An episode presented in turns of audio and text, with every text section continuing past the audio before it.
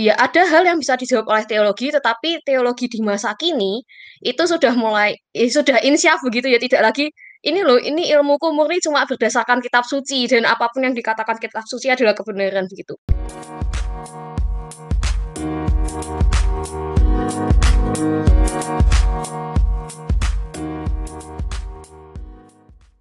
Hello boys and girls, ladies and gentlemen, welcome back to Petualangan Stickbrand, di mana kalian akan berpetualang bersamaku Amran Hasbiaditya Putra di dunia yang berkaitan kalau nggak psikologi ya pengembangan diri. Tapi sekarang di episode kali ini kita akan berpetualang di ilmu pengetahuan yang sebenarnya sih agak jauh di dari psikologi, tapi menurutku ada relate-nya juga karena itu adalah bagian dari uh, bagian dari perilaku-perilaku manusia lah, transcendental bahasa kerennya, bahasa apa? Bahasa keilmuannya gitu atau keilahian nih. Nah, uh, jadi pada episode kali ini aku akan ngebahas tentang uh, divinity, jurusan divinity atau divinitas gitu. Nah, divinitas tuh bahasa uh, awamnya mungkin keilahian gitu. Jadi kenapa aku mau uh, bahas ini uh, to give you guys some context. Jadi uh, saat itu aku Hikam kalau kalian tahu uh, sebelum episode ini aku buat podcast dengan Hikam terus kita bicara tentang filsafat dan pada akhirnya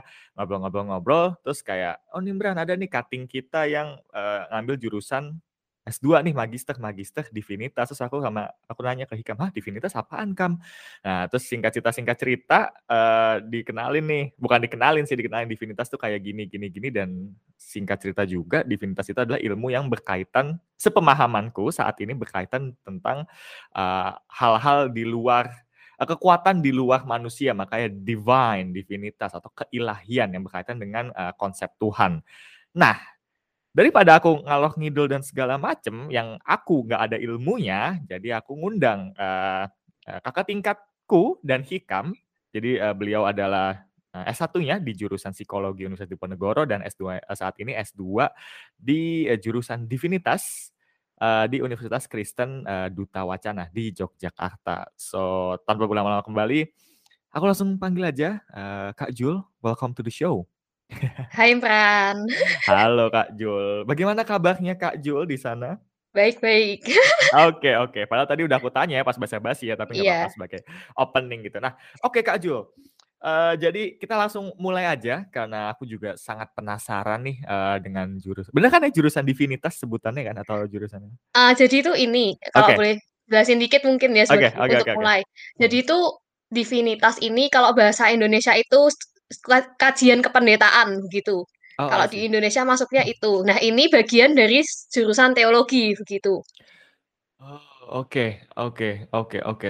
Teologi. Berarti tapi yang aku baca di bio-nya Kak Juliet itu kan MDiv kan? Yes, bener. itu adalah gelar ketika uh, mahasiswa magister itu ngambil jurusan teologi atau jurusan Nah, divinitas gini gimana? gini. Oke, Oke aku oke. jelasin da dari awal gitu ya. Yes, oke. Jadi ada sebuah ilmu bernama teologi begitu. Hmm. Nah, tapi kalau misalnya uh, Amran cari di misalnya di universitasku ya di UKDW itu Hmm. nggak ada sudah nggak ada kata teologi karena ada masalah dengan ya you know lah kalau sistem di kementerian begitulah. Jadi itu ada sedikit percekcokan dengan ya nggak tahu sih percekcokan atau apa antara dikti dan juga Kementerian Agama begitu. Jadi ilmu kalau gelar teologi itu dipakaikan untuk yang apa universitas yang di bawah naungan Kementerian Agama, sedangkan Hmm. yang di bawah dikti, di bawah apa sih namanya Kementerian Perguruan Tinggi itu loh, ya bener kan Hmm. dikti ya. Di bawah dikti itu jur, nanti pakainya nama jurusannya itu filsafat keilahian gitu. Nah jadi Hmm. jurusanku sebenarnya namanya filsafat keilahian begitu.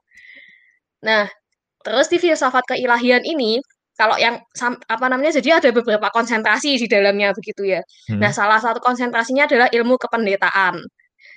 Oke. Nah, ilmu kependetaan inilah yang disebut dengan divinitas. Jadi, kenapa kenapa dibedakan sama yang mungkin teologi atau filsafat keilahian lain? Jadi, uh, divinity ini kalau di Indonesia itu S1-mu umum, Hmm. S2-nya teologi. Nah, S2 teologi ini namanya divinitas begitu. Jadi, Hmm. khusus untuk yang S1 umum kalau masuk S2 teologi itu masuknya jalur divinitas, jalur konsentrasi kependetaan seperti itulah. Oh, Gitu, see. Mran, jalur Hmm. ceritanya.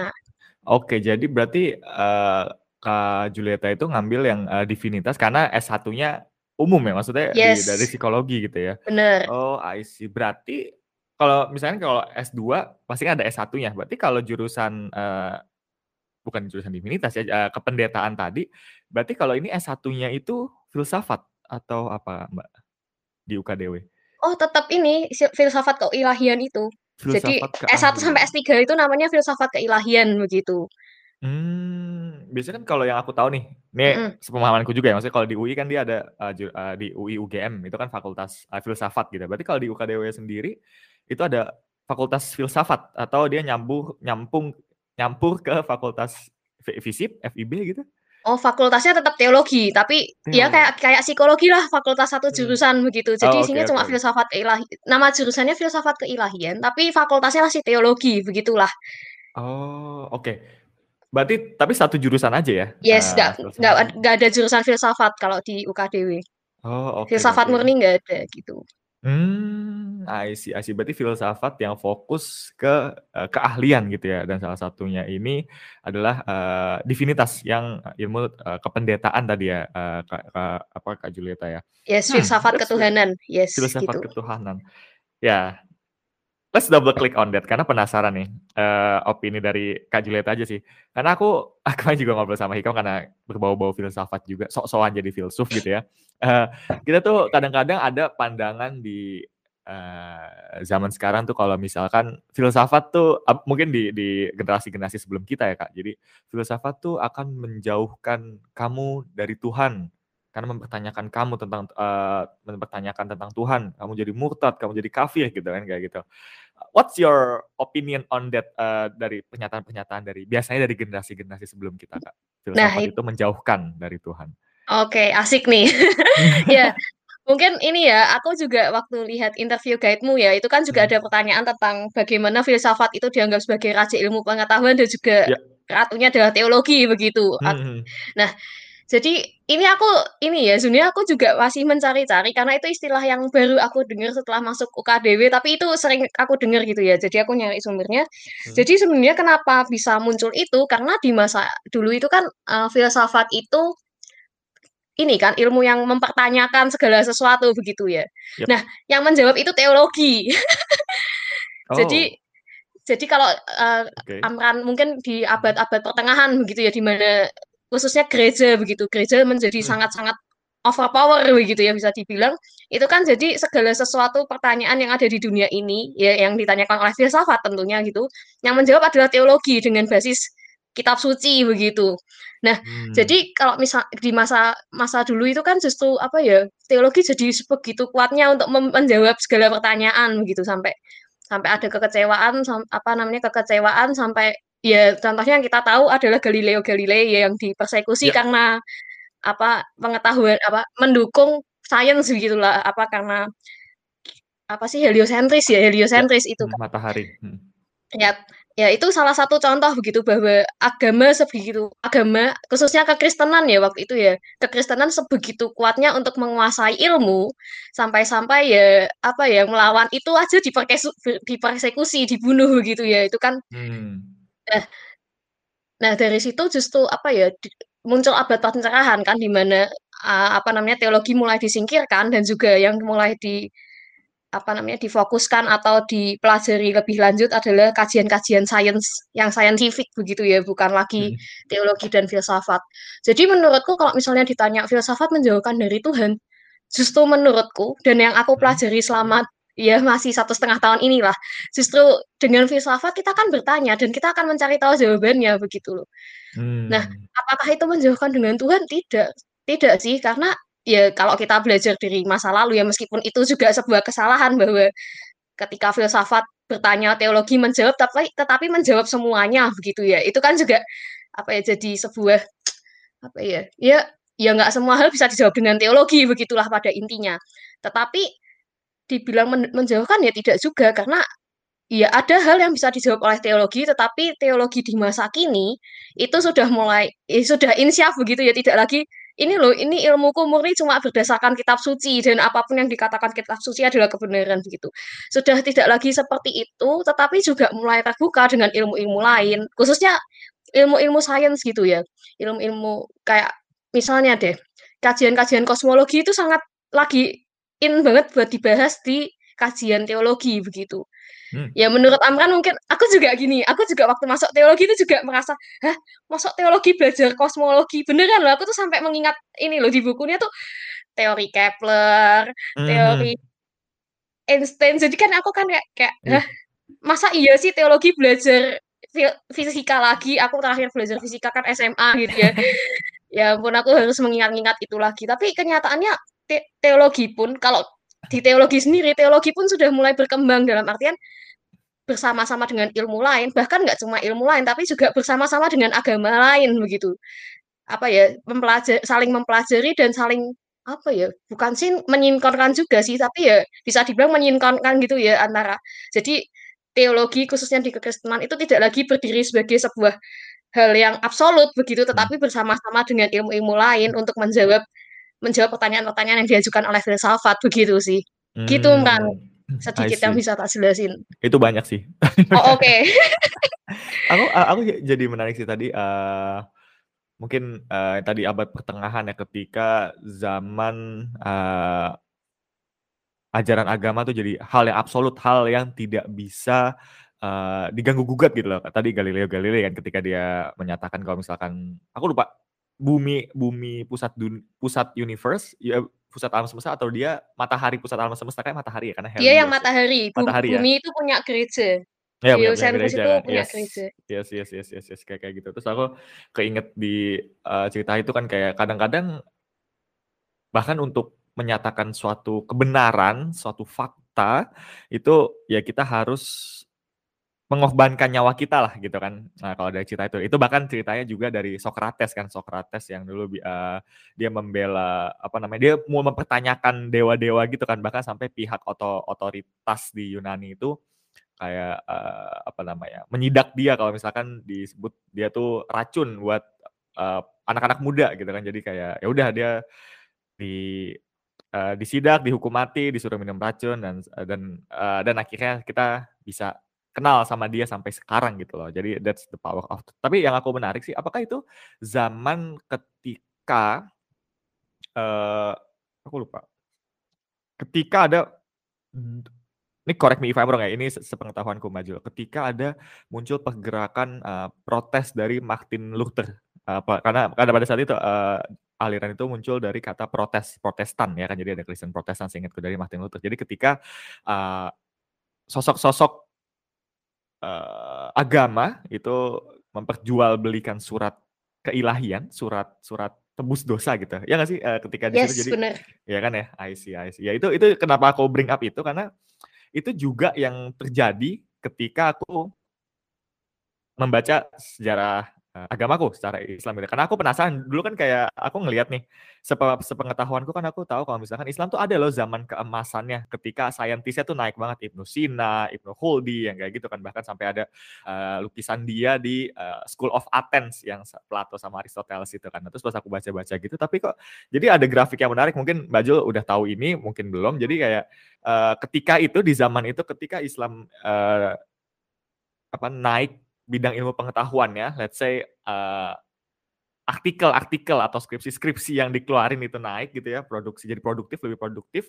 Nah, eee, di daerah barat itu lebih menurun, kan biasanya dibedain barat timur kan, jadi daerah barat tuh turun gini. Jadi kayak naik gini kan, yang Islam naik, terus yang, eee, Kristen turun gini kan. Nah tapi setelah ada satu momen, kayaknya momen Renaissance atau, eee, Dark Age, kayaknya Renaissance ya, Renaissance itu jadi gaya balik kayak lagi, jadi yang yang barat naik, yang timur turun. Nah ini perbedaan yang men apa, yang hipotesisnya, ini ada bukunya juga, eee, Ahmed Tekurun, nah judulnya Islam judulnya Islam, Otoritarianisme dan Ketertinggalan. Itu simpelnya, efek dari itu adalah ketika tadi yang, eee, Kak Jo bilang itu, ketika sosok ulama, let's say, eee, agama yang dihormati di agama tuh dia take over take over dunia pendidikan gitu dunia pengetahuan. Makanya jadi kayak, tiba-tiba di situ muncul kalau misalkan, eee, yang diperbolehkan hanya belajar bahasa Arab karena itu adalah, eee, Al-Quran, terus, eee, jadi kayak belajar hal-hal yang dikit, bahkan buku Plato yang judulnya itu Republik, pada saat itu pengen ditranslate jadi di-ban bukunya itu di dilarang di peredaran dunia timur. Jadi kayak itu suatu fenomena yang menarik. Jadi ketika itu uh, dunia barat merangkul lagi filsafat, merangkul lagi mempertanyakan apa kalau kata Pak Hans tuh bergumul ya kan mempertanyakan hal-hal. Tapi kalau ketika di situ Islam uh, stop enggak ini kita yang benar loh ajaran agama kita yang paling jadi kayak menurun dan itu yang naik. Itu sih yang yang apa observationku penasaran juga. Dan yang aku mau tanya apakah ini juga uh, berkaitan dengan filsuf uh, aku lupa namanya Saint Thomas Aquinas Saint Thomas Aquinas. Soalnya pasti kemarin uh, kenapa aku nanya gini? Jadi kemarin Ambri saudara kembarku ya Ambri dia itu baca buku Dunia Sopi ya kan itu kan yang belajar uh, uh, filsafat gitu loh. Nah dia tuh bilang kalau misalkan di situ uh, bahkan Kristen uh, filsaf dia filsuf Aquinas ini mengkristenisasi filsafat sepemahamanku gitu. Uh, what do you think on it? Apakah uh, itu statement yang benar atau aku salah nangkep nih kak? Uh, aku jawab dari mana dulu okay. nih? uh, yang mungkin langsung yang ke uh, yang terserah, terakhir terserah. Kita, kita boleh jumping ke mana-mana kok. Oke, okay. ya kalau Thomas Aquinas sejujurnya uh, gini gini, mungkin ini sepemahamanku juga ya, ya karena ya, aku ya, juga ya, bukan ya. yang mendalami banget gitu. Uh, jadi setahu aku kalau Thomas Aquinas ini jadi ini sih, uh, jadi dia apa ya bisa dibilang menginternalisasikan ilmu-ilmu teologi ke dalam kehidupan gitu. Jadi teologi oh. bukan lagi ilmu bagi Thomas Aquinas, tetapi sudah way of life gitulah bisa dibilang begitu. Hmm. Cara pandang, cara hidup dan lain sebagainya. Jadi sudah benar-benar hidupnya itu teologi begitulah dan apa pun yang dia lihat itu dicerminkan langsung dengan teologi. Jadi ya kalau kalau tentang Thomas Aquinas aku rasa itu sih yang aku hmm. sejauh ini tahu begitu bahwa ya kalau kayak gitu kan sudah berarti kan apa ya apa pun yang kita lihat itu sudah langsung sudut pandangnya dari teologi begitu tidak lagi bisa dibilang bukan tidak objektif ya tapi kayak ya objektivitasnya tuh ya sudah tinggal apa ya sudah nggak ada begitu ya dalam artian hmm. ya cermin lensanya langsung teologi begitu apa pun yang masuk di diolah oleh apa ya dirinya yang yang apa ya, ya yang karena teologi S S way of life gitu ya. Jadi hmm. ya sudah, jadi langsung aja begitu. Jadi hmm. ya begitu sih kalau tentang Thomas Aquinas yang aku tahu begitu. Yep, yep, yep, benar, benar. Ini juga sih yang tadi aku juga nih karena tadi aku ngalor ngidul ke mana ya, tapi uh, aku tadi juga setuju sama pendapat uh, Kak Kak juga tuh yang bilang kalau misalkan uh, justru ketika kita mempertanyakan itu bukan menjauhkan kita dari Tuhan gitu loh, tapi malah bisa jadi mem, mem, bukan bisa jadi bahkan memang mendekatkan diri kita uh, sama Tuhan kehadirannya di mana mempertanyakan gitu. Aku jadi inget uh, aku Kajul tahu Jordan Peterson gak sih kak? Pernah dengar nggak namanya? Nggak, nggak pernah dengar. Ya? Oke. Okay. Jadi kalau misalkan Kajul penasaran, jadi dia itu profesor di Kanada dan dia itu uh, buat kuliah, uh, kuliah di YouTube. Nanti bisa cari. Aku taruh linknya di show notes juga nanti kalau mau lihat teman-teman. Itu dia uh, cycle. Jadi dia mengkaji cerita Injil, Bible, uh, melalui lensa psikologi gitu. Dan yang salah satu yang aku ingat sampai sekarang itu adalah cerita tentang Jacob. Nah, kalau di kayaknya kalau di Islam tuh Nabi Yakub apa namanya? Ya, Yakub. Yakub ya, ya. Pokoknya kan dia itu kan Jacob he who who wrestles with God ya kan. Jadi ketika ada perjalanan yes. dia akhirnya ketemu orang terus dia bergulat gitu kan bergulat terus akhirnya uh, apa udah gue capek kayak kayak gitu terus akhirnya ditinggalin gitu kan. Terus kayak maknanya dari itu yang aku dapat dan aku pahami adalah ya kalau emang yakin sama Tuhan ya kadang-kadang emang harus mempertanyakan Tuhan dan bahkan sampai harus wrestle sampai harus uh, bergulat gitu bergumul bergulat sama Tuhan sendiri kak. Jacob ngalamin itu sendiri dan yang menarik yang aku dapat juga dari sumber uh, lain itu adalah Plato Plato itu kan filsuf yang terkenal ya dan dia itu kan digambarin di uh, referensi-referensi itu kalau dia tuh punya pundak yang gede gitu loh, pundak yang gede. Nah, pundak yang gede itu uh, dulu tuh erat kaitannya sama sosok pegulat. Terus kayak oh my god. Jadi emang kita tuh he we who wrestles with God gitu loh karena ya kita manusia yang haus akan apa ya kayak ada insting untuk percayakan sesuatu maka kita selalu mempertanyakan hal-hal gitu. Ya itu sih uh, yang aku mau tambahin dari yang tadi uh, Kak Julieta bilang kayak oh yep. that's that's mind blowing sih. That's that's really mind blowing. Kayak oh shit, that's good, that's good. Mungkin aku tambahin hmm. dikit kali ya, kan sebelum lanjut. Boleh. Uh, ini juga yang menjadi apa ya? Mungkin isu juga ya di Indonesia bahwa Indonesia rasanya juga mulai menjadi agak apa ya abad kegelapan begitu ya di mana agama hmm. menjadi overpower atas sesuatu, segala sesuatu begitu. Ya mungkin aku nggak bilang agama mana ya, tapi ya memang agama ada gitu aja kan. Sebenarnya agama agama apa pun bukan yang jadi soal kan bukan agama apanya, tetapi agama itu sendiri kan. Ketika itu jadi overpower, kita apa terlalu mempercayai segala sesuatu like ya apa pun yang dikatakan kitab suciku adalah benar tetapi tidak mau melihat yang lain begitu ya tidak hmm. mau mengkaji juga hal yang lain itu juga menjadi kesalahan ya harusnya kita Indonesia menurutku ya Indonesia juga perlu belajar dari baik Islam maupun Kristen yang sudah pernah melakukan kegagalan yang sama begitu bahwa hmm. ketika kita terlalu memegang teguh kitab suci kita dan tidak mau menerima pandangan yang lain atau ilmu-ilmu baru yang ada ya mati gitu Hmm. Ya mati aja begitu kan, makanya muncul abad kalau di Kristen itu yang paling terkenal muncul abad pencerahan begitu bahwa hmm. ya agama masih ditolak mentah-mentah kan pada abad pencerahan begitu. Hmm. Oke. Okay. Jadi Renaissance itu abad pencerahan ya apa Saya, beda? Aku kok ya lupa. Waduh bahaya. Aduh, tidak. Iya, so, so, so, so, kan ada ada fase ya seingatku di dunia barat abad ke-8 dulu, abad ke-8 lalu yeah. ada abad pencerahan gitu kan. Yes. Re oh ya, Renaissance pencerahan benar-benar. Ya kan benar ya? Itu yes. ketika metode sains ya jadi yes. naik banget ya ya kan. Iya, yeah, benar. Ya itu kan hmm. justru ketika itulah agama disingkirkan kan maksudnya otoritas Katolik Roma itu juga mulai ya diabaikan begitu. Bahkan ya begitu kan ya justru hmm. itu ke, apa sains berkembang begitu. Kalau misalnya kita misalnya ya mengandaikan aja kita terkungkung dengan maksudnya kita di abad ke-8 itu tidak maju-maju, tidak ya apa ya tetap percayanya gini dan tidak tidak menjadi abad pencerahan ya mungkin kita sampai sekarang juga ilmu pengetahuan gitu-gitu aja kali ya nggak nggak hmm. berkembang apa pun begitu itu juga menjadi poin sih kalau dari aku. Hmm, yes yes yes I totally agree sih. Kayak ya di Renaissance kan berarti ketika mereka udah mulai apa uh, scientific minded ya. Jadi ketika yes. ini aku baru baca buku dari Hasim Nicholas Taleb judulnya Black Swan dia di situ quotes-nya bagus banget. Aku sampai ingat sampai sekarang dia tuh bilang dulu manusia itu biasa berpikir. Sebelum zaman Renaissance manusia itu biasa berpikir bukan berhitung. Terus kayak oh my god ya karena udah mulai matematika itu masuk kan terus kayak yeah. oh ya ya that's karena aku pernah dengar juga pernah baca quotes kalau misalkan matematika itu adalah bahasa dari alam semesta ya kan uh, nature language of nature terus kayak oh ya yeah, that's amazing dan uh, aku mau nambahin lagi tadi yang he who wrestle with God dari Jacob karena ceritanya wrestling with God gitu ya mm. itu itu adalah arti uh, arti kata dari Israel. Israel itu artinya he who wrestle with God. Yes benar oh my God. Terus kayak tapi kan kalau aku dulu ya, dan aku di doktrin, aku tahu ini doktrin-doktrin masa-masa kecil, itu kan ada konflik Palestina Israel gitu kan, at some point. Kayak yang aku pahami nih, kok Israel yang salah gitu loh. Tapi ketika aku coba cari-cari nih kayak yang setelah ketemu Jordan Peterson, Jacob kayak gini kayak, well, that's not uh, nggak sepenuhnya Israel salah gitu. Walau mungkin ada sisi salah, cuma aku nggak tahu. Tapi ada sisi Palestina juga yang salah. Tapi itu aku nggak. Uh, I have uh, right now sekarang aku nggak punya have opinion on that conflict dan kita nggak akan bahas itu tenang jadi uh, nggak usah bahas-bahas itu karena sensitif jadi ya oke oke kita kita balik tadi yang ke ini sih udah kita panjang-panjang ya kak coba balik lagi tadi yang ini juga wah ini dia ada hikam btw ada hikam teman-teman yang mendengarkan jadi kita coba podcast. Oh tapi dia nggak masuk ternyata. Oke okay, nggak jadi. Nanti mungkin masuk.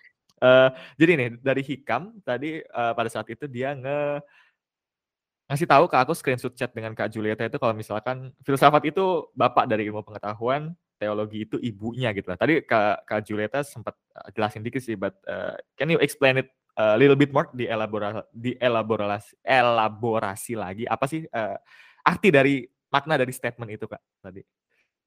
Ya. Oke. Okay. Ya itu Ya itu ya kayak tadi aku bilang ya, hmm. apa namanya, itu sering aku dengar di UKDW, tapi ternyata setelah aku cari bahan-bahannya, ya apa ya, ada yang bilang bahkan itu nggak valid begitu ya, bahkan hmm. ketika teologi dikatakan sebagai sains, itu kan juga sudah menjadi sebuah permasalahan begitu ya. Karena, uh, kalau kita tahu zaman sekarang namanya sains tuh ya yang saintifik kan ya, fisika hmm. lah ya, matematika ya, biologi, ya ilmu cenderung ke arah ilmu-ilmu alam gitu. Sedangkan ilmu-ilmu sosial kan bahkan tidak disebut sebagai sains begitu ya. Terkadang tuh seperti maksudnya di zaman sekarang kan ada do, dominasi seperti itu gitu loh. Yep. Nah, tetapi di uh, ini hasil pencarianku ya gitu ya. Uh, di masa itu ya kembali lagi kita ke medi medieval age gitu ya abad-abad pertengahan itu justru yang dianggap science itu justru yang pakai ya seperti yang tadi Amran bilang pakai otak gitu ya maksudnya yang berpikir gitu ya berpikir berfilsafat makanya ilmu-ilmu filsafat teologi itu menjadi ilmu-ilmu yang sangat-sangat berkuasa di masa itulah. Sedangkan hmm. sains itu cuma kalau tadi bahkan yang aku cari itu malah yang dikatakan tuh yang dimasukkan ke universitas itu hanya matematik, eh hanya geometri dan astronomi begitulah. Kalau untuk itu ilmu di zaman medieval apa? Yes, yes medieval. Oh, okay. Ya ini hasil pencarianku ya, aku juga masih masih mencari begitu. Nah, kenapa kok teologi terlalu over ya apa ya teologi bisa jadi ratu atas ilmu hmm. pengetahuan hmm. ya karena kembali lagi segala jawaban segala jawaban atas segala pertanyaan itu teologi begitulah intinya lah bahkan termasuk astronomi pun yang menjawab juga teologi begitu nah jadi segala ilmu di masa itu dikaitkannya sama teologi Hmm. Dan kalau misalnya kita ambil yang lebih besar lagi ya seperti yang aku bilang filsafat yang mengajukan pertanyaan atas sesuatu dan yang menjawab adalah teologi begitu.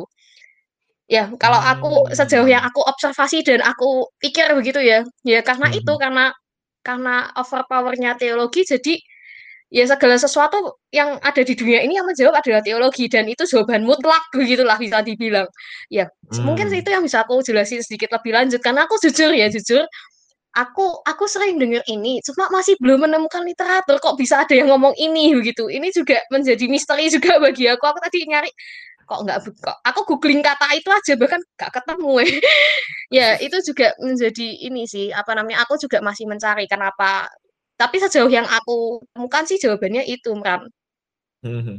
oh I see I see. Nah aku jadi penasaran nih apakah Kak Julita pernah bertemu atau kenal selama kuliah ini dengan Nietzsche?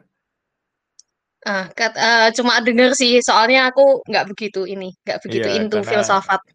Oke oke, I see. Soalnya dia statement yang paling dikenal dari Nietzsche kan dia bilang God is dead kan. Yes. So, yeah. Do you have any talks on that quotes? Kayak God is dead. Kalau God is dead, harusnya aku nggak kuliah sih. Iya kan lagi lagi teologi hmm. kan ilmu tentang Tuhan kan. Maksudnya hmm. kalau kita artikan secara harfiah gitu, teos Tuhan, logos itu ilmu begitu. Jadi kalau secara harfiah kan ilmu tentang Tuhan begitu. Hmm, Nah Theos artinya Tuhan ya? Yes, Theos itu Allah kan. Allah, oke, I see. Logos, ya logos kan Logos ilmu. Iya ilmu, hmm, hmm. Ya, ya, oke oke oke. Nah Oke, teos. Eh, jadi menurutku kalau tapi kan lagi-lagi teologi itu bukan ilmu. Kalau kalau sama sebenarnya mirip-mirip sama psikologi kan. Kita tidak bisa menganalisa psikis seseorang secara langsung begitu ya, seperti yep. tidak seperti matematika yang objeknya terlihat gitu. Hmm. Psikologi kan objeknya tidak terlihat. Kita butuh berbagai macam alat ukur dan kita mengkonstruk berbagai macam pengetahuan dari apa yang kita lihat begitu kan, apa yang hmm. kita observasi.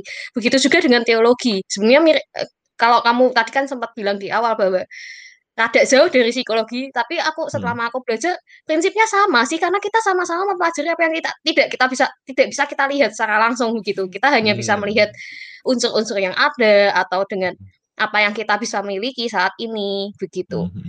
Nah, kalau misalnya dibilang Tuhan itu mati enggak sih rasanya terlalu ini terlalu apa ya ya tadi toh hmm. entah toh kan kalau kita belajar psikologi kan juga dibilang bahwa manusia itu mau mau gimana pun tetap akan punya rasa untuk mencari sesuatu yang lebih besar atau apa ya merasa bahwa ada sesuatu yang lebih besar dari diriku.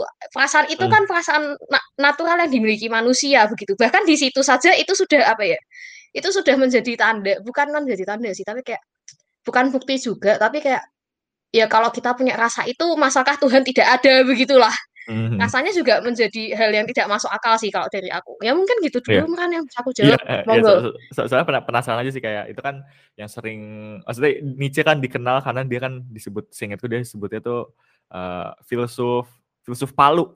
Artinya dia menghancurkan segala dogma dah dah dah kayak gitu kan. Dan dia statementnya salah satu yang terus uh, ya banyak sih sebenarnya yang uh, apa namanya yang bukan yang krusial yang yang men-trigger banyak orang lah gitu. Salah satunya God is dead. Tapi uh, sebenarnya ini sih ini juga uh, apa kesalahan beberapa orang juga ketika ngomong Nietzsche tuh kalau orang bilang ya Nietzsche kan bilang God is dead tapi mereka nggak nggak nggak lanjutin lagi quotes-nya kalau misalkan God is dead terus kenapa gitu. Jadi kayak uh, lanjutannya itu kan God is dead. Terus dia bilang God is dead, uh, we kill, uh, we kill him gitu, we kill him. Uh. Karena terus dia bilang kalau misalkan siapa nanti yang akan mengampuni mengampuni dosa kita ketika yang pal, uh, yang paling uh, yang paling maha, yang maha pengampun sudah mati. Siapa yang membersihkan uh, lumuran darah di tangan kita ketika yang menciptakan air sudah kita bunuh gitu loh. Jadi itu sebuah metafora something like that lah dan dia men, dia itu juga seakan-akan memprediksi kalau misalkan ketika metode science ini terlalu take over uh, jadi kayak menghapus dogma-dogma agama gitu. Jadi kayak dia seakan-akan nanti uh, budaya, uh, culture-nya itu ngambil satu batu bata gitu loh, diambil, jadi kosong kan jadi runtuh gitu loh, jadi uh, goyang. Nah makanya itu yang dia worry gitu ketika kayak gitu dan nanti akan muncul dia kayak ngeprediksi ngemuncul otoritarian. Makanya terus ada Nazi ya kan di 1945 atau muncul sosok uh, sosialisme yang seakan-akan equality tapi uh, berdasarkan equality tapi malah ngebunuh banyak orang Uni Soviet ya kan gulag nah kayak gitu. Dia dia ngeprediksi hal itu jadi ketika ketika ya ini sains bagus gitu loh. Cuma hati-hati loh kalau misalkan jadiin ini Tuhan karena kan dia bilang uh, God is dead itu karena ya kita ngebunuh dia ngebunuh Tuhan ngebunuh Tuhan dengan apa? Dengan metode sains gitu loh karena yes. seakan-akan kita punya power kalau misalkan kita bisa memprediksi apa pun dengan sains gitu. Kita bisa kita udah bisa take over the world kayak something like that. Kita nggak perlu Tuhan gitu tapi karena metode ya hati-hati. Dia dia nggak nggak worry di itu sih hati-hati kayak. Ya that's that's my take sih. Uh, apa itu pendapatku ketika ngomong Nietzsche kayak is dead ya at some point mungkin benar tapi hati-hati gitu aja. Jadi kayak seakan Renaissance itu kan emang kalau aku sih nggak tahu ya kalau Kak Jul gimana mandangnya tapi kalau aku selalu ngelihat sosok yang aku kagumi itu adalah ketika seseorang itu bisa menyeimbangkan sains dan uh, religion, sains dan teologi gitu, let's say uh, filsafat dan teologi kayak gitu kayak ya yeah, he's amazing gitu loh, she's or he's amazing gitu loh. Ya, yeah, that's just my take on it sih. Gitu. Setuju kan. Oke, setuju. Oke. Ya enggak, tapi hmm? soalnya gini man, mungkin aku di, uh, respon dikit ya. Yeah. Ya kalau soal Nietzsche aku aku harus banyak belajar gitu ya. Yeah. Tapi ini sih, nah itu dia yang kalau sejauh apa ya, kalau di tempatku begitu, uh, soalnya apa ya, kalau teologi itu uh, masih ini sih, masih ada pro kontra tersendiri begitu terkait hal ini begitu, jujur saja begitu. Hmm. Kalau di Indonesia ya, kalau di luar mungkin sudah lebih menerima, tapi kalau di Indonesia tuh susah begitu. Ini hmm. terlalu terlalu jadi pro kontra yang masih terus berjalan begitu. Bahwa kalau di tempatku sendiri ya di UKDW itu kami malah justru diajari begitu bahwa ya tadi yang kata Amran adalah menyeimbangkan antara teologi dan uh, ilmu ilmu pengetahuan begitu tidak jadi ketika jadi kan sebenarnya sama aja kan ketika sains juga menjadi dogma, menjadi doktrin doktrin itu kan juga sama saja menghancurkan begitu ya. Hmm. hmm. Juga nggak nggak balance nah yang perlu dicari kan balance-nya. Bahkan kalau mungkin aku lanjut dikit begitu ya. Hmm. Uh, aku kan jurusan apa ya divinitas atau bisa dibilang itu kalau bahasa aslinya kan il, filsafat keilahian konsentrasi kependetaan begitulah kalau bahasa hmm. aslinya begitu. Nah, di, kan aku kami kan punya S1 umum gitu, S1 ya entah apa pun lah yang masuk di filsafat keilahian itu diterima begitu. Nah, yang selalu ditekankan oleh dosen-dosenku begitu untuk anak-anak MDiv itu adalah kamu punya S1 umum itu dimanfaatkan di teologi, jangan sampai S1 umummu dibuang begitu.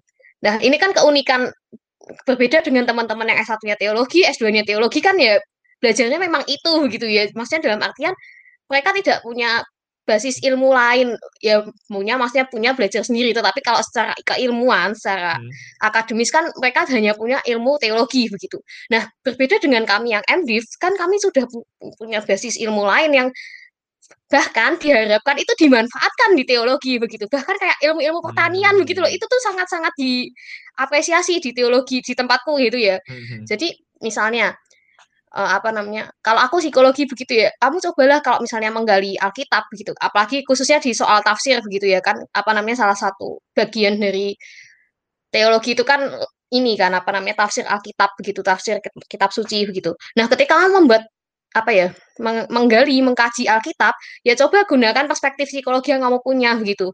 Atau misalnya teori-teori psikologi yang bisa kamu gunakan di apa namanya di teori-teori eh teori-teori salah yang yang bisa kamu gunakan di dalam membaca Alkitab begitu. Atau tak, misalnya kalau pertanian itu ada contoh dari dosenku, jadi dia S1 pertanian begitu. Nah, dia Hmm. melihat teks tentang penciptaan. Jadi di Kristen itu kan ada kitab Kejadian dan itu cerita tentang penciptaan begitu. Nah, teks penciptaan itu digunakan untuk melihat apa ya, bagaimana Allah juga menjadi petani petani pertama begitu di dunia ini. Nah, itu kan juga hal yang menarik begitu dalam artian apa namanya? Uh, apa ya ilmu-ilmu S1 kita tuh justru tidak boleh dibuang loh di, di misalnya hmm. di teologi. Nah, sering kali kan orang ya ini yang menjadi pro kontra bahwa tidak semua sekolah teologi mengizinkan hal ini begitu. Itu yang menjadi pro kontra di Indonesia. Kalau teologi di Indonesia tuh seperti itu. Tidak semua teologi mengizinkan penggunaan S1-mu untuk hmm. Apa namanya untuk kuliah teologi ya bisa dibilang kayak ya kamu sekarang teologi apa ya kalau istilah kasarnya tuh bertobat begitu ya. Dulu kuliah sekuler sekarang kuliah ilahi begitu. Ya memang memang memang ini hmm. aneh banget tapi ini realitanya begitu. Banyak sekali yang ngomong gitu gitu. Nah tetapi kalau di tempat tuh justru loh ilmu sekuler tuh kan apa ya apa yang yang dikata orang sekuler itu kan juga bagian dari kehidupan kan ada unsur ilahi juga kan di dalamnya. Emang kalau sekuler terus apa ilahinya nggak ada? Berarti Tuhan hanya ada di tempat-tempat tertentu dong logikanya. Hmm. nah justru itu just apa ya ilmu-ilmu sekul bukan salah aku nggak boleh bilang ilmu sekuler salah salah sorry sorry. Ilmu-ilmu lain itu justru sangat-sangat diapresiasi gitu. Bahkan ada kakak kelasku S1-nya teknik teknik kimi teknik fisika Hmm. Nah itu di teologi, yes gitu-gitu, iya benar. Jadi dia hmm. benar-benar mengkaji kosmologi dalam sudut pandang kekristenan misalnya atau ya seperti itulah. Jadi hmm.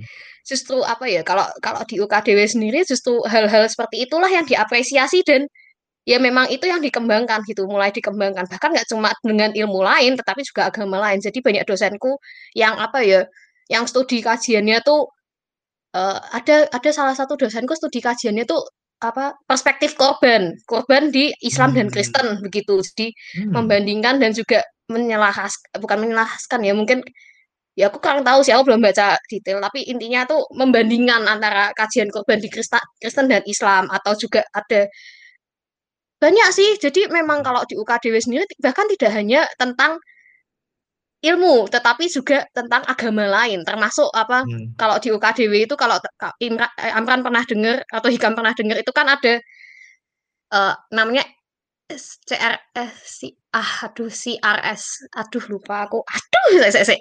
ya pokoknya itu jadi konsorsium buat hmm. studi S3 yang di yang dibentuk oleh tiga universitas UGM, UKDW dan juga UIN begitu.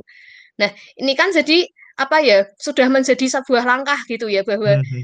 tidak hanya bekerja sama dengan ilmu, maksudnya menyeimbangkan antara teologi dan ilmu, tetapi juga dengan agama lain pun juga bekerja sama untuk melakukan ini begitu. Hmm. Jadi malah mm-hmm. banyak sekali gerakan-gerakan di apa ya kalau di tempatku yaitu sampai titik sudah apa ya berjalan bersama dengan ya UIN, UIN Kalijaga hmm. dan juga UGM begitu. Bahkan kalau kamu mau tahu kakak kelasku itu ada yang Islam, benar-benar Islam, mempelajari teologi begitu. Ya sudah sampai titik hmm. situ gitu. Jadi hmm. apa ini sudah menjadi bukan hal yang sudah bukan lagi kayak ini teologi, ini ilmu, ini agama lain. Maksudnya kekristenan, hmm. teologi Kristen, ilmu agama lain, tetapi sudah menjadi sebuah apa ya? Ya kita jalan bareng begitu dan kita perlu menyeimbangkan ini begitu. Ya ya nggak cuma dalam rangka toleransi saya rasa, tetapi hmm. juga hal ini kan perlu begitu dalam artian ya kalau kita kita hanya jalan sendiri-sendiri ya jatuhnya sama aja dong sama abad pertengahan yang ya semuanya mati begitulah. Kalau bisa dibilang kalau satu, satu mengalahkan yang lain ya hilang satunya kan berarti. Gitu sih peran hmm, mungkin yang aku yeah. bisa tambahin Iya benar juga sih tadi. Aku juga struck me banget in in my heart kalau misalkan ya kalau misalkan jalan sendiri-sendiri ya jadi kayak tribalisme kan balik lagi kan ke tribalisme yes. yang kiri kanan Islam Kristen perang salib ya perang perang salib. Dulu Kristen Islam masih sih? Yes perang salib Kristen. Iya kan? Agama lain terus perang-perang dulu itu kan karena tribalisme yang kita menganggap uh, apa we we and them ya kan? Kami yes. itu benar kalian tuh salah ayo kita perang membuktikan kayak gitu kan. Nggak nggak kayak gitu. Karena eh, sekarang kita juga udah ada metode untuk mencari kebenaran yang lebih efektif ketimbang harus adu jotos sampai mati yaitu berpikir ya kan. Aku jadi ingat salah satu quotes dari filsuf aku lupa. Tapi kayak matematikawan aku lupa namanya. Cuma dia bilang uh, the purpose of thinking is letting your ideas die instead of yourself die. Terus kayak oh iya benar ya ya kayak gitu. Makanya kita kita butuh sebuah perspektif dari hal lain ya dari, ilmu bidang ilmu lain uh, untuk setidaknya membunuh ide kita atau membenarkan ide kita atau melengkapi ide kita gitu. Tapi aku penasaran kan tadi, berarti kalau di UKDW itu kan kalau kakak tadi kan berarti MDiv ya karena S1-nya itu umum. Tapi kalau misalkan Yes. S1-nya teologi terus S2-nya teologi lagi bukan MDiv atau apa kak? Ya, pakai uh, jadi MDiv itu hanya gelar khusus untuk yang S1 Oh. umum gitu. Tapi sebenarnya kalau di Indonesia gelarnya tuh bukan MDiv. MDiv tuh gelar internasional. Oke. Jadi di Indonesia tetap gelarnya sama kayak S S2 teologi begitu. Gelarnya itu M apa? Kalau kalau Di angkatanku Indonesia. sudah mulai Hmm. MPhil. Jadi Phil. bikin rancu nggak sih? Gelarnya filsafat, beneran. Oh, M filsafat gitu? M. Iya, bener. Phil. Oh, oke. Oke, aku baru tahu. Oh, oke oke Ya, oke itu mulai kurikulumku karena tadi yang aku bilang Hmm, uh, iya. per Per- pertentangan per- antara dikti peribahasa dan agama itulah itu. ya, iya, Yes, iya, iya, yes. iya. Oh, oke oke. I see, I see, I see. Nah, aku juga ini sih. Tadi juga Kak apa mau mungkin give my opinion kayak tadi yang Kak Jul juga bilang eh so apa science gitu lah, eh, pengetahuan, ilmu pengetahuan. Karena kan aku juga tahu ini quotes dari si Nassim Nicholas Taleb sih dia bilang kalau misalkan social dia bilang gini, social science is not the real science. Terus kayak oh my god ya. social science itu apa? Social science itu ekonomi, eh, psikologi, sosiologi, ilmu komunikasi. Kenapa? Karena tadi ya yang Kak Jul bilang kalau misalkan ya kita objeknya tuh abstrak gitu loh, tapi kita mempengaruhi, itu mempengaruhi keseharian kita dan kita cuma bisa mempelajari dari konsekuensi atau dari masa lalu ya kan, atau dari hal-hal yang lain abstrak. Kalau misalkan matematika ada angka, kimia ada zatnya, teknik ada objeknya itu kan lebih lebih jelas dan terukur. Nah ini yang juga salah satu kekurang bukan kekurangan sih mungkin lobang gitu ya di metode science adalah semua itu harus terukur. Tapi kalau misalkan dari psikologi sendiri kita pasti ngerasain ya kita bertiga ngerasain. Hikam semoga kamu di situ ya. Ngerasain kalau misalkan ya psikologi ngukurnya gimana? Pakai skala. Lah emang udah, udah pasti bener ya nggak tahu sih nggak ada kebenaran objektif nyari objektifnya gimana. Expert judgment ya expertnya bener nggak? Ya nggak tahu sih tapi berdasarkan pengalamannya bener. Ya kan kayak gitu jadi hal-hal yang nggak nggak ada uh, objective truth. Makanya kalau di social science itu kayak misalkan kita ngomongin moralitas wah ini pasti pengalamannya. Juga kalau ngomongin moralitas kan ada namanya yang aku tahu ya konsepnya itu eh apa namanya aduh udah saya saya saya morality moral relativism moral relatif. Jadi kayak seakan-akan uh, ya benarnya gua tuh di sini di Bekasi tuh beda sama benarnya di Semarang gitu lah relatif. Tapi sebenarnya at some point aku percaya aku percaya dan aku baca Kant Immanuel Kant juga kalau misalkan ada loh sebenarnya moral benar salah yang objektif gitu lah. Makanya ya itu that's the the apa ya kekurangan aja sih kalau misalnya kita ngomongin social science dan ya pas aku baca quotes itu kayak oh my god social science is not the real science terus gue S1 ngapain aja gitu ya oke oke wah Tentang masih hmm, iya. gimana Oh enggak enggak. Lanjut. aku mau nyambung. oke monggo monggo Kak Julieta Bahkan bahkan ya kalau aku ini apa namanya belajar hermeneutik hermeneutik Hmm. kan ilmu tafsir gitu ya Uh, itu justru mau tahu nggak aku belajar hermeneutik itu bukan belajar bagaimana cara menafsir kitab suci begitu tetapi Hmm. belajar tokoh-tokoh filsafat jadi kalau apa ya bahkan tapi ini yang di- ingin dibawa dosenku adalah bahwa objektivitas itu juga dipertanyakan objektif itu apa begitu ya apakah Hmm. apakah objektif itu ada yang universal gitu atau objektif itu ya hanya ya semua kan punya objektivitasnya masing-masing atau ada yang universal gitu kalau Hmm. ini aku nggak mau bahas gitu ya karena aku juga aku Hmm. juga bu- bukan orang yang expert di ini tapi aku mu- mungkin kalau Amran dan Hikam suka filsafat bisa cari-cari tokoh-tokoh apa namanya filsafat modern begitu ya kayak Gadamer eh, ya Oh. turunannya Heidegger Heidegger itu kan punya murid Gadamer terus juga lanjut ke Derrida Ricoeur ya itu Oh, itu hmm, tokoh-tokoh hmm. yang yang aku pelajari dan itu apa ya bisa eh, ya dari itulah bahwa apakah objektivitas itu ada begitu atau apakah ada kalau misalnya ngomongnya kitab suci Hmm. begitu ya kitab suci itu kan ditulis ada konteksnya begitu Yep. konteks masa lalu nah apakah kita benar-benar bisa mencapai konteks masa lalu dari penulisan teks kitab suci gitu Hmm. apakah Hmm. masih ada masih ada kita cari ini loh ini loh yang dimaksud penulis dan bukan ini Hmm. itu kan sudah nggak mungkin nah menurut mereka sudah tidak mungkin karena jarak ini apa penulisan teks kitab suci dengan yang kita alami sekarang itu sudah sangat jauh konteksnya Yep. Nah, Yep, yep, yep. itu itu jadi apakah objektivitas itu benar-benar ada gitu, objektivitas universal itu apakah Hmm. benar-benar ada, itu juga menjadi pertanyaan. Jadi kalau Hikam Mhm. maupun Amran kan suka seneng filsafat nih yang aku lihat, bisa nih cari-cari tentang filsafat apa tokoh-tokoh filsafat modern begitu. Itu Iya. benar-benar lebih wow gitu. Iya, itu itu aku tadi Kak Julieta, Hikam kalau mau nambahin boleh ya, raise hand mungkin atau tinggal open mic gitu. Maksudnya apa kalau aku tadi tiba-tiba ke-trigger, ya trigger in a good way gitu maksudnya ketika tadi uh, Gadamer terus uh, muridnya itu salah satu tadi filsuf modern yang tadi Kak Julieta sebut tuh uh, Jacques Derrida. Itu kan sebenarnya Derrida itu adalah hmm, pendiri mungkin pendiri atau penemu ya pendiri lah sih pendiri aliran postmodern gak sih? Postmodern ketika dia ngera, dia bilang uh, semua itu hanya hasil interpretasi ya kan? Nggak ada objektif gitu loh. Ya itu sebenarnya yang menarik juga sih karena aku pas baca konsepnya dia kayak oh iya bener juga ya tapi sayangnya itu going too far banget ketika dia bilang kalau misalnya gini jadi kalau misalnya nggak ada kebenaran objektif terus kita harus berlandaskan ke mana gitu loh. Whole-nya kan kayak gitu kan, kayak misalkan misalkan kitab-kitab nih dibilang, "Oh enggak, itu interpretasi, itu uh, itu hanya hasil uh, so konstruk sosial," gitu kan, interpretasi karena konstruk sosial kayak gitu. Tapi ketika semua itu adalah konstruk, maka kita harus berpegang ke mana itu kan bahaya di situ ketika nge apa ngebilang social konstruk, apalagi yang jadi ekstrim lebih ekstrim adalah ketika ngomongin jenis kelamin, gender. Ada yang bilang gender itu konstruk sosial kayak gitu-gitu, cewek cowok konsep cewek cowok itu konstruk sosial yang kayak gitu-gitu kan. Kayak ini juga karena kenapa aku kayak apa namanya hmm, sangat melawan dalam tanda kutip melawan postmodern itu adalah ketika karena aku nonton Jordan Peterson dan dia nih Jordan Peterson adalah salah satu tokoh yang postmodern itu salah titik gitu loh dan dia ngebela hal-hal kayak gitu walaupun ya pasti ada flaws-nya juga. Nggak nggak nggak Jacques Derrida tuh apa ya Jacques Derrida nggak nggak nggak sepenuhnya salah sih. Itu sih hermeneutika that's very interesting karena itu adalah ilmu tafsir tapi tadi Kak Julieta bilang itu Kak Julieta mempelajari bukan cara metode metode menafsirkan tapi mempelajari tokoh-tokoh filsafatnya ya kak ya berarti ya? Yes, di semester Hmm. satu gitu sih. Tapi yang Keren. jadi Hmm. ini sih kan uh, kenapa aku tidak pasti uh, bukan yang sangat melawan karena Hmm. apa ya? Yaitu apa ketika tafsir kitab suci, kitab suci apa pun ya, Hmm. itu hanya dianggap kebenaran apa artinya cuma satu. Ya itu apa ya? Terlalu Pak, bukan terlalu, Terlalu pakem.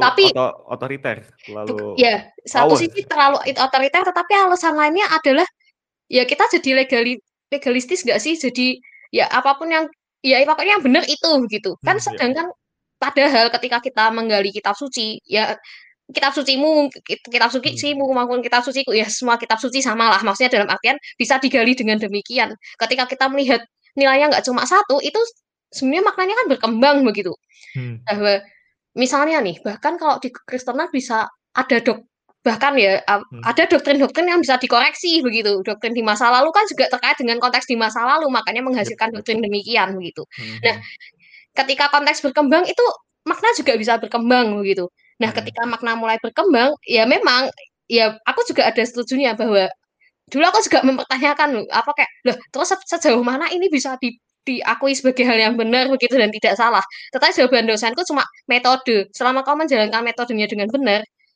itu nggak masalah. Kecuali kalau kamu sudah misalnya ngambil teks misalnya Alkitab apa terus kamu ngomong a- ngalor ngidul ngalor ngidul yang nggak ada apa ya basis basis ilmiah. Bukan basis ilmiah sih tapi kayak alur pikirmu nggak jelas lah kayak loh ini tuh dari mana teks aslinya? Misalnya kayak kalau Kristen kan masih pakainya kan bahasa Indonesia begitu ya bisa bukan kalau Islam kan memang bahasa yang dipakai di Al-Quran kan Arab dan itu tidak pernah diganti-ganti begitu ya.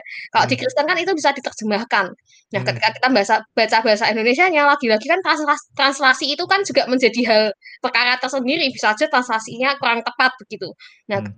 oleh sebab itu kita perlu melihat bahasa aslinya begitu. Nah, ketika kita ternyata bahasa aslinya tidak sesuai dengan bahasa Indonesia ya dan bahasa Indonesia yang di ditafsir, ditafsir itu sangat-sangat apa ya yang ngalor tidur dan ternyata tidak sesuai dengan bahasa aslinya itu kan juga sebuah sudah sebuah kesalahan metode bisa dibilang begitu bahwa bahwa Hmm. apa ya ini ngawur nih orang begitulah nah apa ya nah justru dengan berkembangnya apa ya ketika kita bisa melihat teks itu tidak hanya dari satu satu jenis ini maksudnya kayak pokoknya ayat ini artinya ini titik gitu Hmm. itu kan kita kan bisa apa ya mendapat memperluas cakrawala juga dalam artian ya tadi seperti mengembangkan jenis tafsir yang juga apa ya bisa digunakan bukan bisa digunakan tapi bisa apa ya uh, ya tadi yang kayak aku bilang kayak tentang teks teks ini bisa diarti apa kita ketika kita bisa membaca dari sudut pandang psikologi gitu atau sudut pandang Mhm. ilmu ma- lain itu kan pasti hasilnya berbeda dengan apa yang kita selama ini pelajari tentang teks itu misalnya nah Hmm. tapi kan itu justru memperkaya kan? Memperkaya dan juga dalam artian apa ya? Ya ya kita juga balik lagi yang tadi kita tidak kita bisa menyeimbangkan antara ilmu pengetahuan dan juga apa ya? Teks Alkitab misalnya teks-teks kitab suci begitu. Jadi bukan sebuah hal yang sangat-sangat buruk begitu ya kalau dibilang uh, posmo posmo yang apa namanya kebenaran itu tidak ada yang mutlak begitu. Iya saya Hmm. setuju bahwa kebenaran tidak tidak ada kebenaran yang mutlak itu juga menjadi masalah begitu tetapi dalam artian apa ya kalau diambil sisi baiknya ya berarti kita bisa me me menjangkau sesuatu dengan lebih luas begitu daripada yang hanya selama ini jadi pakem begitulah kasarnya gitu Hmm. Ran Hmm. Oke. Hikam, any talks? Oh nggak ada. Oke. Lagi jaga warung dia, nggak apa-apa. Nggak, Lagi nggak takut. jadi. Oh oke. Oh nggak jadi. Oke oke. Oke oke oke oke. Kalau misalkan mau nambahin sesuatu, monggo ya kan. Jadi silakan. Berarti buat yang dengerin Hikam tiba-tiba join. Nggak jo nggak tiba-tiba sih kemarin emang udah bilang cuma karena ada kendala dia baru join tengah-tengah Iya. tadi. So, Mungkin oke sedikit Bran.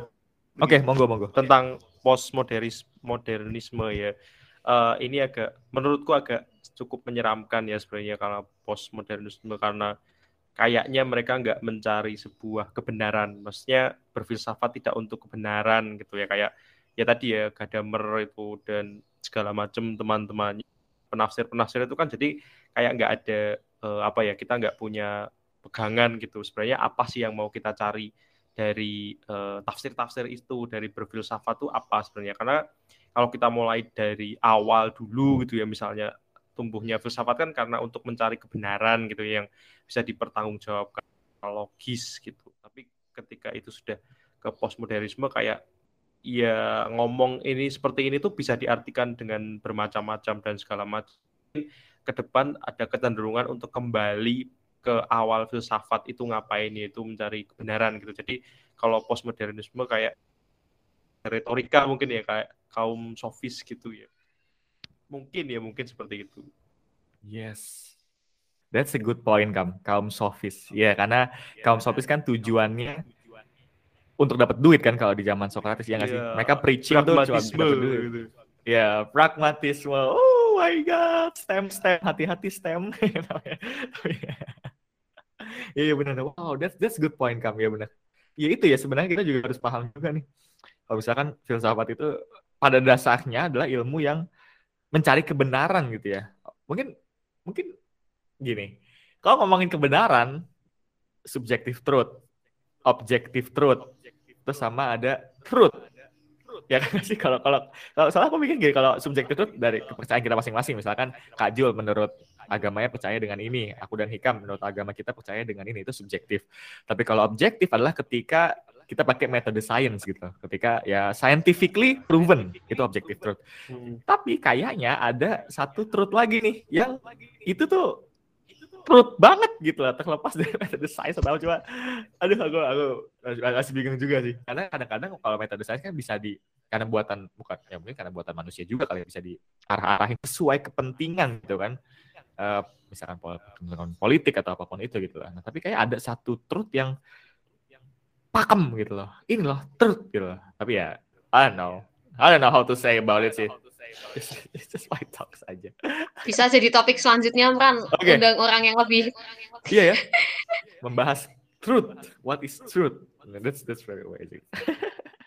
Oke. kebenaran pun ada macam-macam ya Man. kayak misalnya Mhm. kebenaran koherensi ada kebenaran misalnya korespondensi gitu misalnya kalau koheren itu kan antara satu kata dengan kata yang lain itu saling berhubungan Aktif berarti itu kebenaran. Kalau misalnya korespondensi itu apa yang kita pikirkan itu sesuai dengan kenyataan itu korespondensi. Makanya ada koresponden ya macam-macam gitu. Kayak misalnya kebenaran itu adalah yang bisa dibuktikan gitu. Misalnya eh, saya percaya Tuhan gitu ya.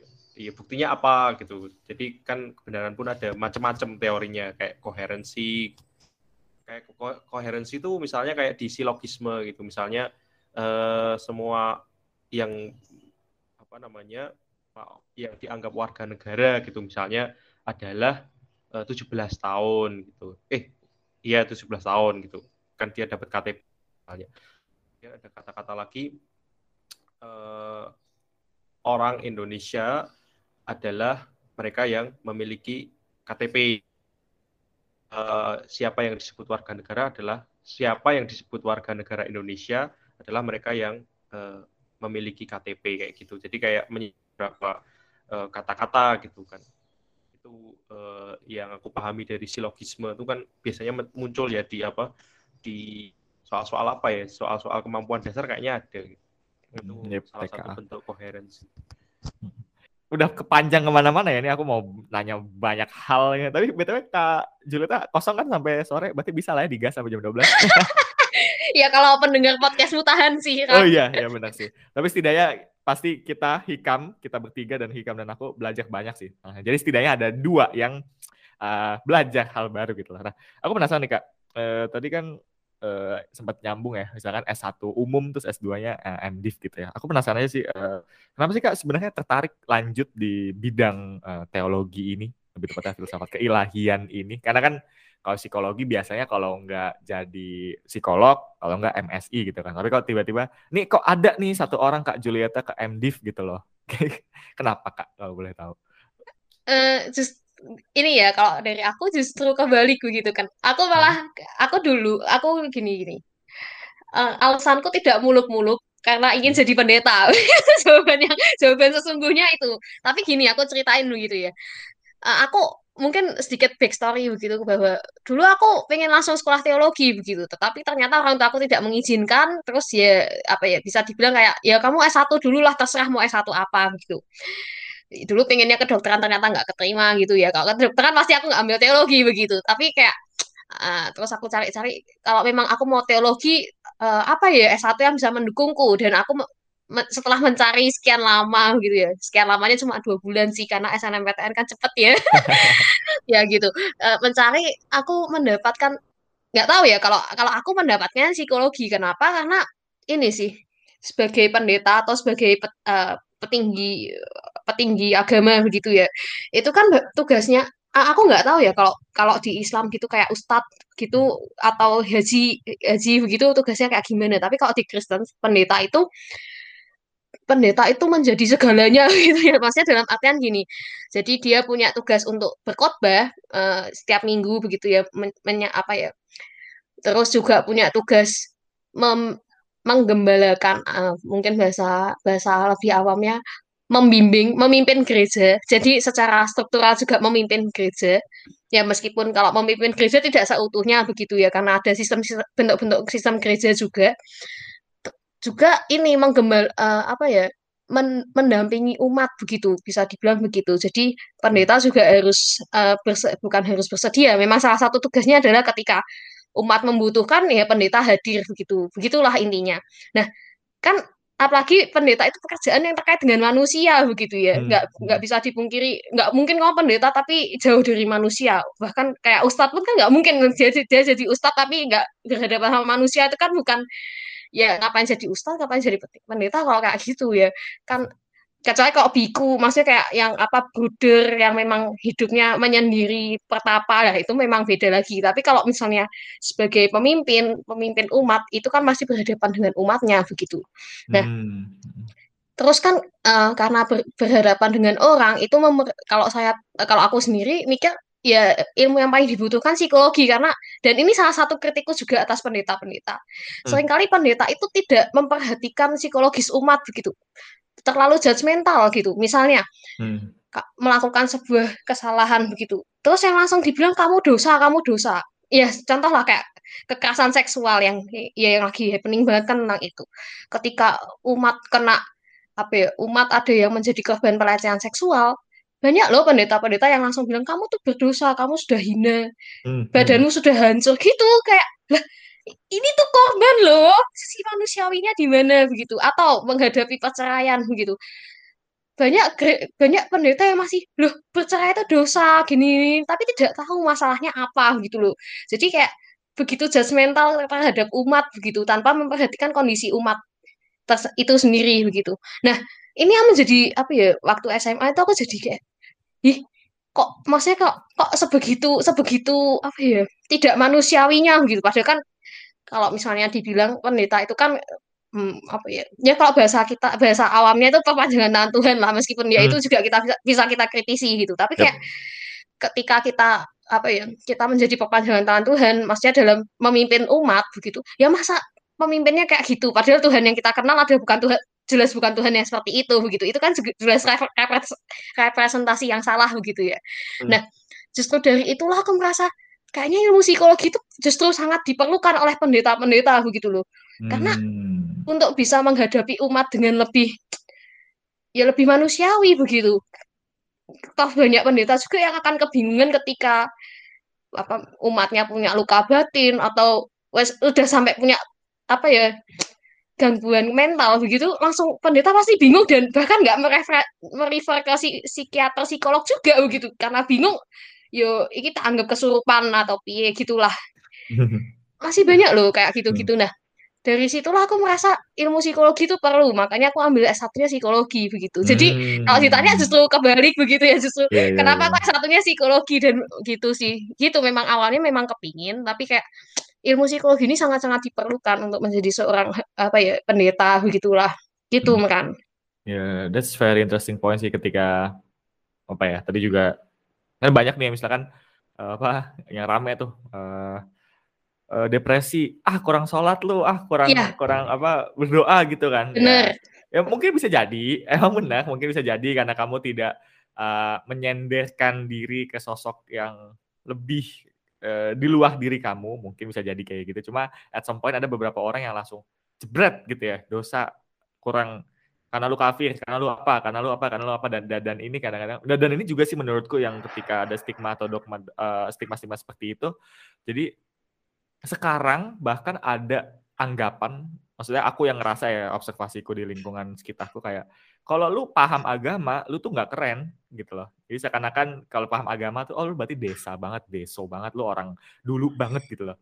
Tapi sebenarnya enggak kok kalau menurutku pribadi ya. Dan, dan ya at some point mungkin karena mungkin dipengaruhi juga sama beberapa pengalaman mereka pengalaman individu dengan sosok uh, sosok apa ula sosok agama yang judgmental yang kayak gitu. Dan kurangnya kurangnya penyeimbangan antara ajaran dari kitab dari Tuhan dengan pragmatisnya. Let's say kayak gitulah ya. Jadi kayak ya ya that's that's that's very interesting kak. Berarti emang kakak dari dulu emang tertarik banget ya jadi oh, apa namanya jadi pendeta gitu ya jadi uh, di bidang teologi ini Yes. gitu. nah itu nyambung sih uh, ke pertanyaan selanjutnya kak sebenarnya prospek kerjanya apa aja sih kak dari jurusan ini selain pendeta ya ada lagi Ya, ada bisa. Oke. sebenarnya kayak psikologi aja sih psikologi kan juga kalau lulus juga bisa dikerja di mana aja kan maksudnya kak enggak maksudnya kayak belak- kalau di zaman sekarang kan syarat kerja itu S1 umum gitu ya jadi kan S1 Hmm. umum bisa ke mana aja begitu tapi kalau teologi sendiri ini sih ya selain selain yang tadi ya S1 umum itu ya. Itu bisa ke ya memang mayoritas pendeta atau pengerja jadi bekerja di gereja begitulah. Hmm. tetapi kalau yang lainnya bisa seperti di LSM atau eh, apa namanya ormas apa organisasi sosial masyarakat begitu. Dalam artian gini sih eh, yang ditanamkan mungkin yang jadi titik-titik garis apa ya titik poin juga di tempatku di UKDW itu adalah tentang ketidakadilan begitu bahwa apa ya selama ini banyak penindasan terjadi bahkan penindasan yang dilakukan oleh agama sendiri gitu ya tadi kayak contohnya kamu ini berarti dosa itu kan juga sudah sudah sebuah bentuk penindasan kan Hmm, hmm, Nah, itu. Jadi ketika banyak awareness tentang penindasan yang kita dapatkan begitu. Dan dari situ menurutku justru apa ya apa ya eh, lulusan-lulusan teologi ini justru bisa bekerja tidak hanya di gereja tetapi juga untuk apa ya ya di ormas yang apa kayak membela membela keadilan atau bahkan kayak eh, apa namanya ini ini kemarin tuh jadi awal tahun itu dosenku jadi kan ada ibadah awal pembuka tahun kan ya temanya Hmm. juga ini lulusan teologi kerja apa gitu ya Nah, salah satu yang disebutkan oleh dosenku adalah ya mungkin ini juga apa ya menjadi hmm, apa sih namanya?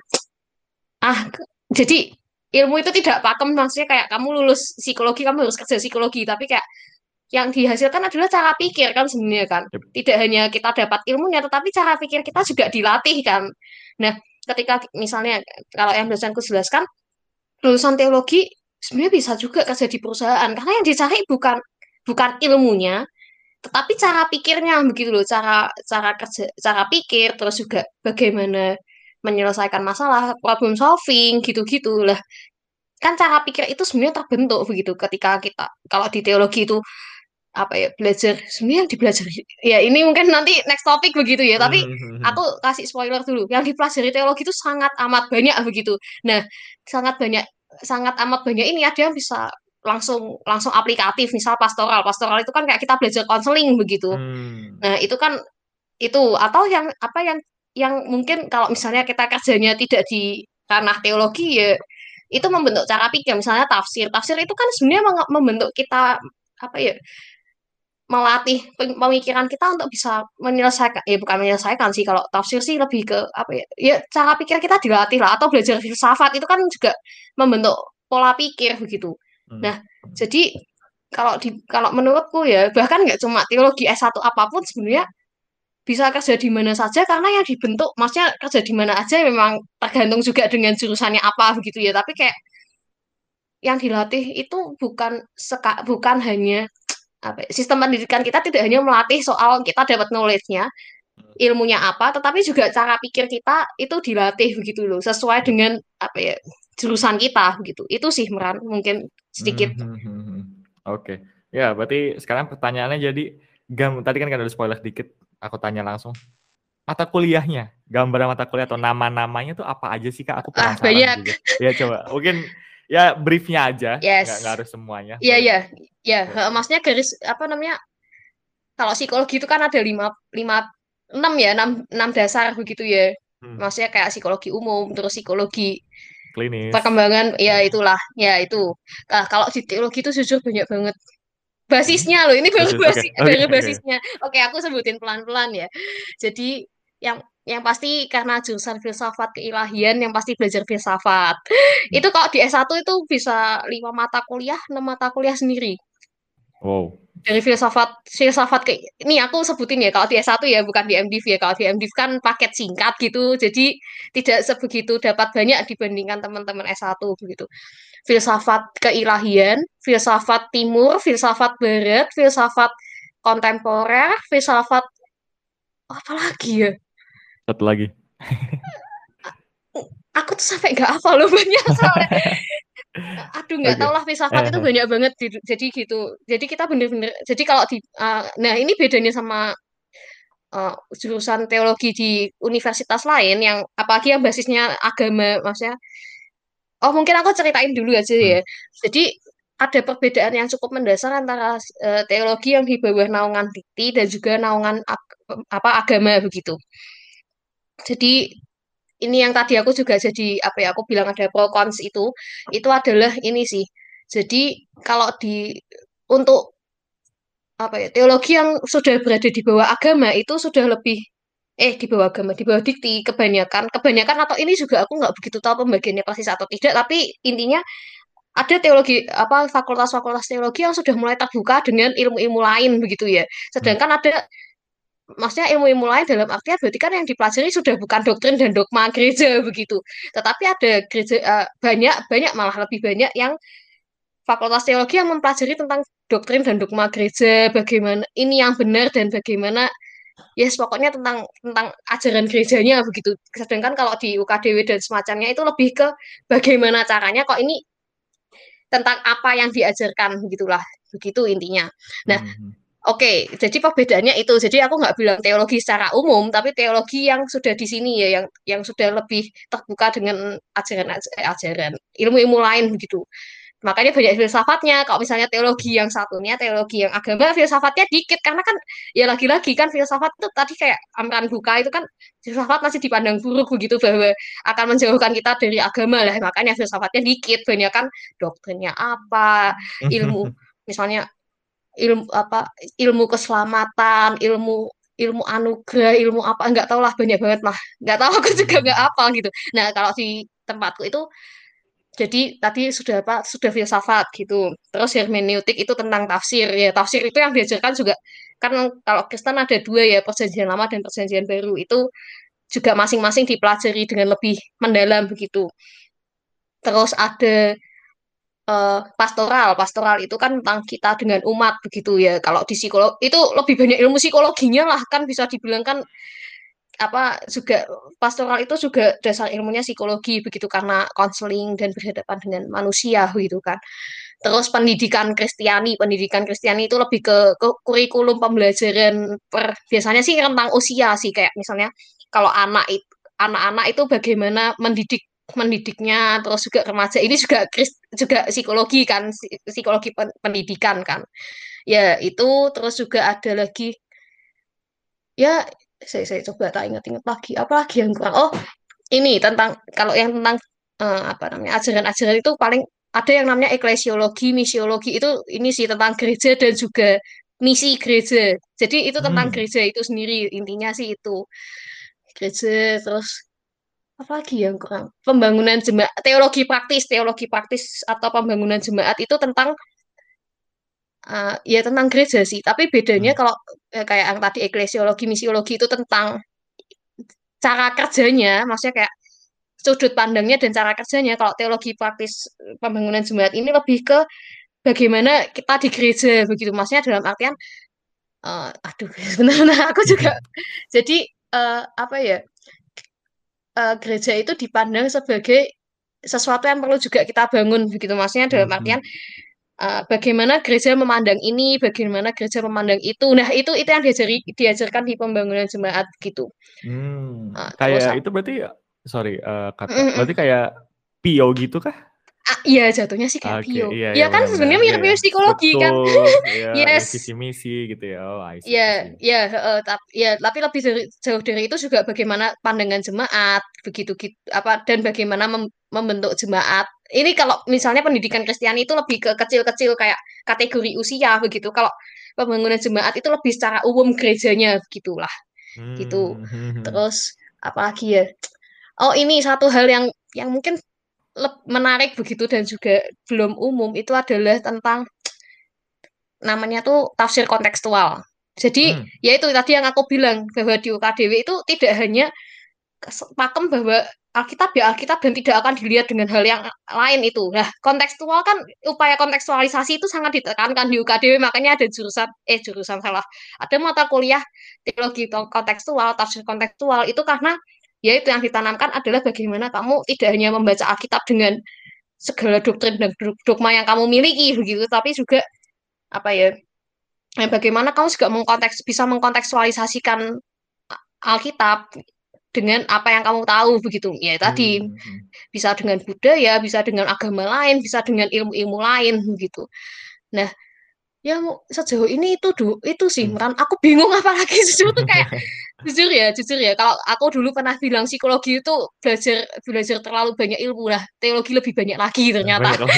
aku ada salah ngomong itu. Ternyata setelah masuk teologi oh ada lagi etika. Etika itu juga oh, moral? Moral etika gitu ya? Ya ya etika itu tapi kalau etika itu nggak bahas lebih oh, beda. ya saya saya saya benar jadi etika itu memang bahas moral tapi kalau di UKDW yang dibahas bukan moral gitu. Intinya lebih ke ini sih bagaimana ya benar sih tentang moral tapi beda beda sudut pandang begitulah jadi yeah, apa sih. yang diajarkan di tempatku itu beda, sudut pandangnya beda tapi intinya maksudnya memang bahas moral tapi yang dibahas bukan bagaimana moral yang benar tapi bagaimana moral terbentuk terus juga hmm. bagaimana apakah kan juga ya, tadi kayak aku bilang kan apakah kebenaran itu mutlak maksudnya kayak dalam artian uh, apa ya misalnya orang orang membunuh. Lah emang orang membunuh memang orang membunuh salah tapi apakah dia benar-benar salah begitu? Hmm. nah kalau misalnya mungkin kalau di tempat lain akan bilang membunuh itu salah titik gitu. Nah tapi kalau di tempatku lah dia membunuh karena apa? Kenapa dia membunuh?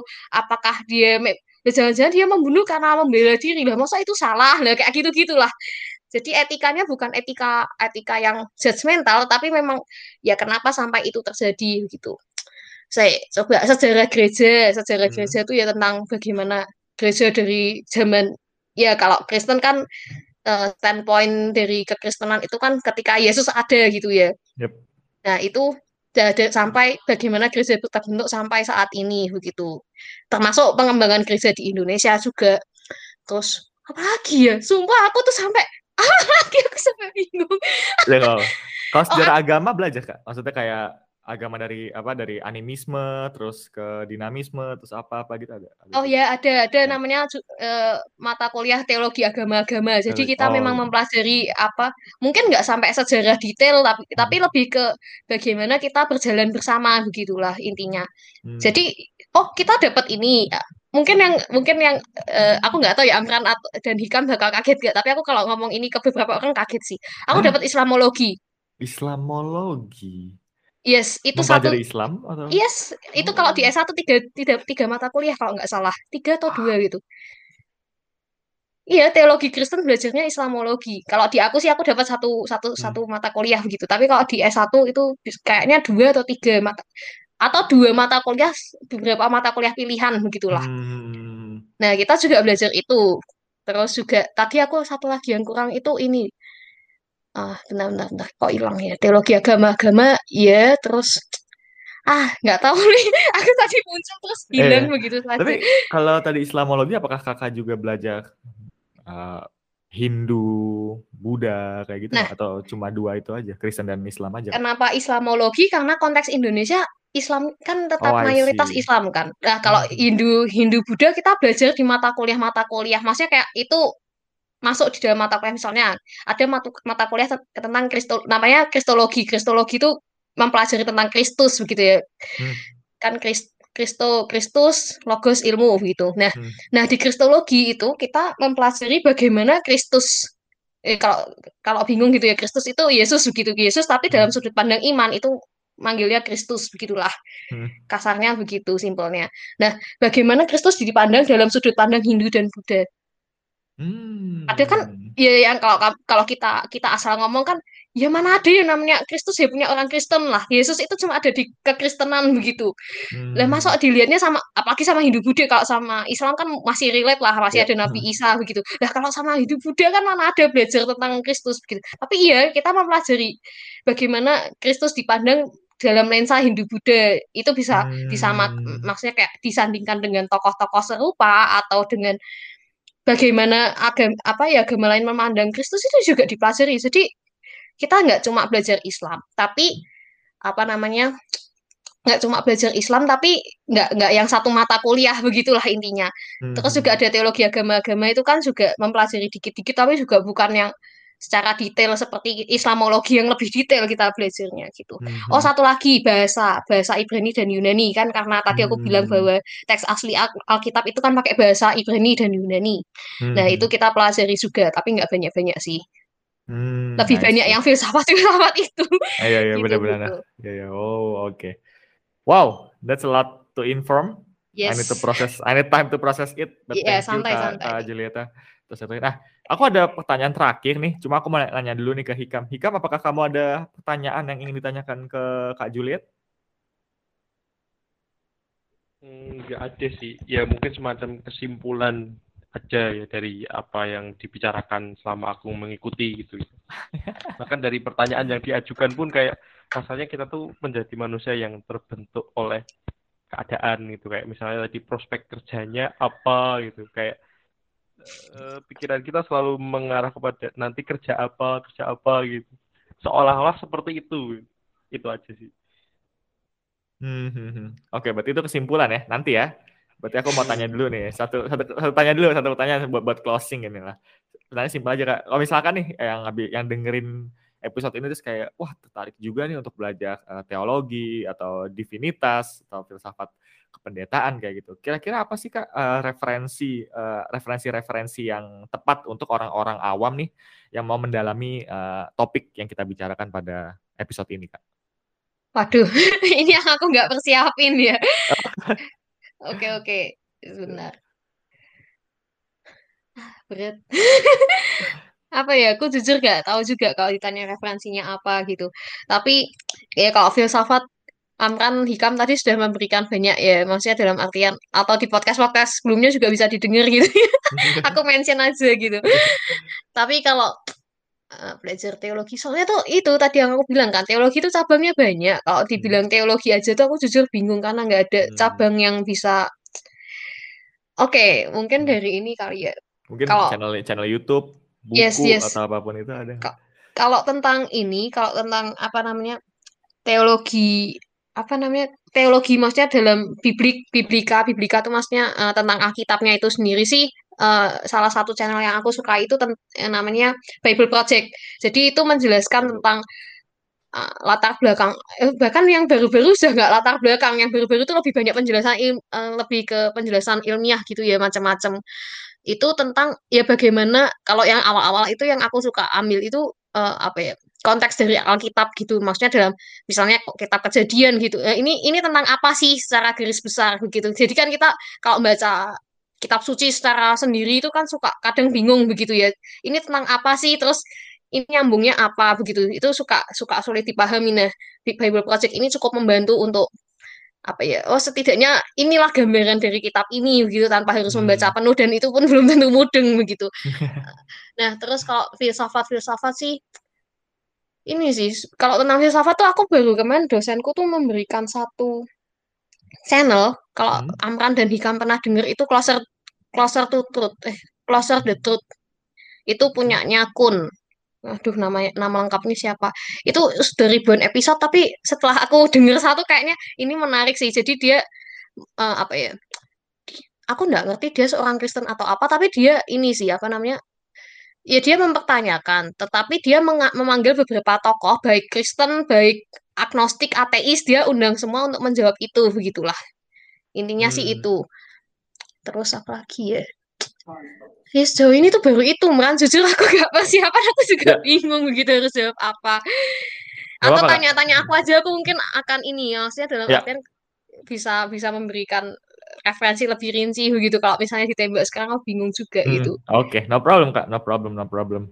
Oke Kak, thank you very much untuk uh, referensi beberapa hal. Ya kalau di Bible Project aku nggak asing karena kemarin sempat karena pas yang dengar cerita Jacob itu aku juga lihat uh, cerita Jacob dari beberapa referensi. Terus kalau Closer to Truth aku juga baru tahu. Terus barusan aku searching, ini berarti dibuat di description-nya sih dia dibuat sama Robert Lawrence Kuhn. Aku kira aku kira Kuhn yang Jerman pada saat scientific kan ada nama tokohnya Kuhn. Aku lupa. Yes, yes, bukan Oh, Kun gitu yang ya. itu. Bukan Itu ya, juga beda ya. jadi pertanyaan itu cucunya apa gimana? Iya, soalnya kun-kun juga ya. Yes. Iya, iya. Oke, oke. Tadi berarti pertanyaan Hikam tentang apa Kam tadi? Kesimpulan. Iya, nggak ada pertanyaan sebenarnya. Nggak ada pertanyaan. Oh, oke, Hmm. kesimpulan aja tadi ya.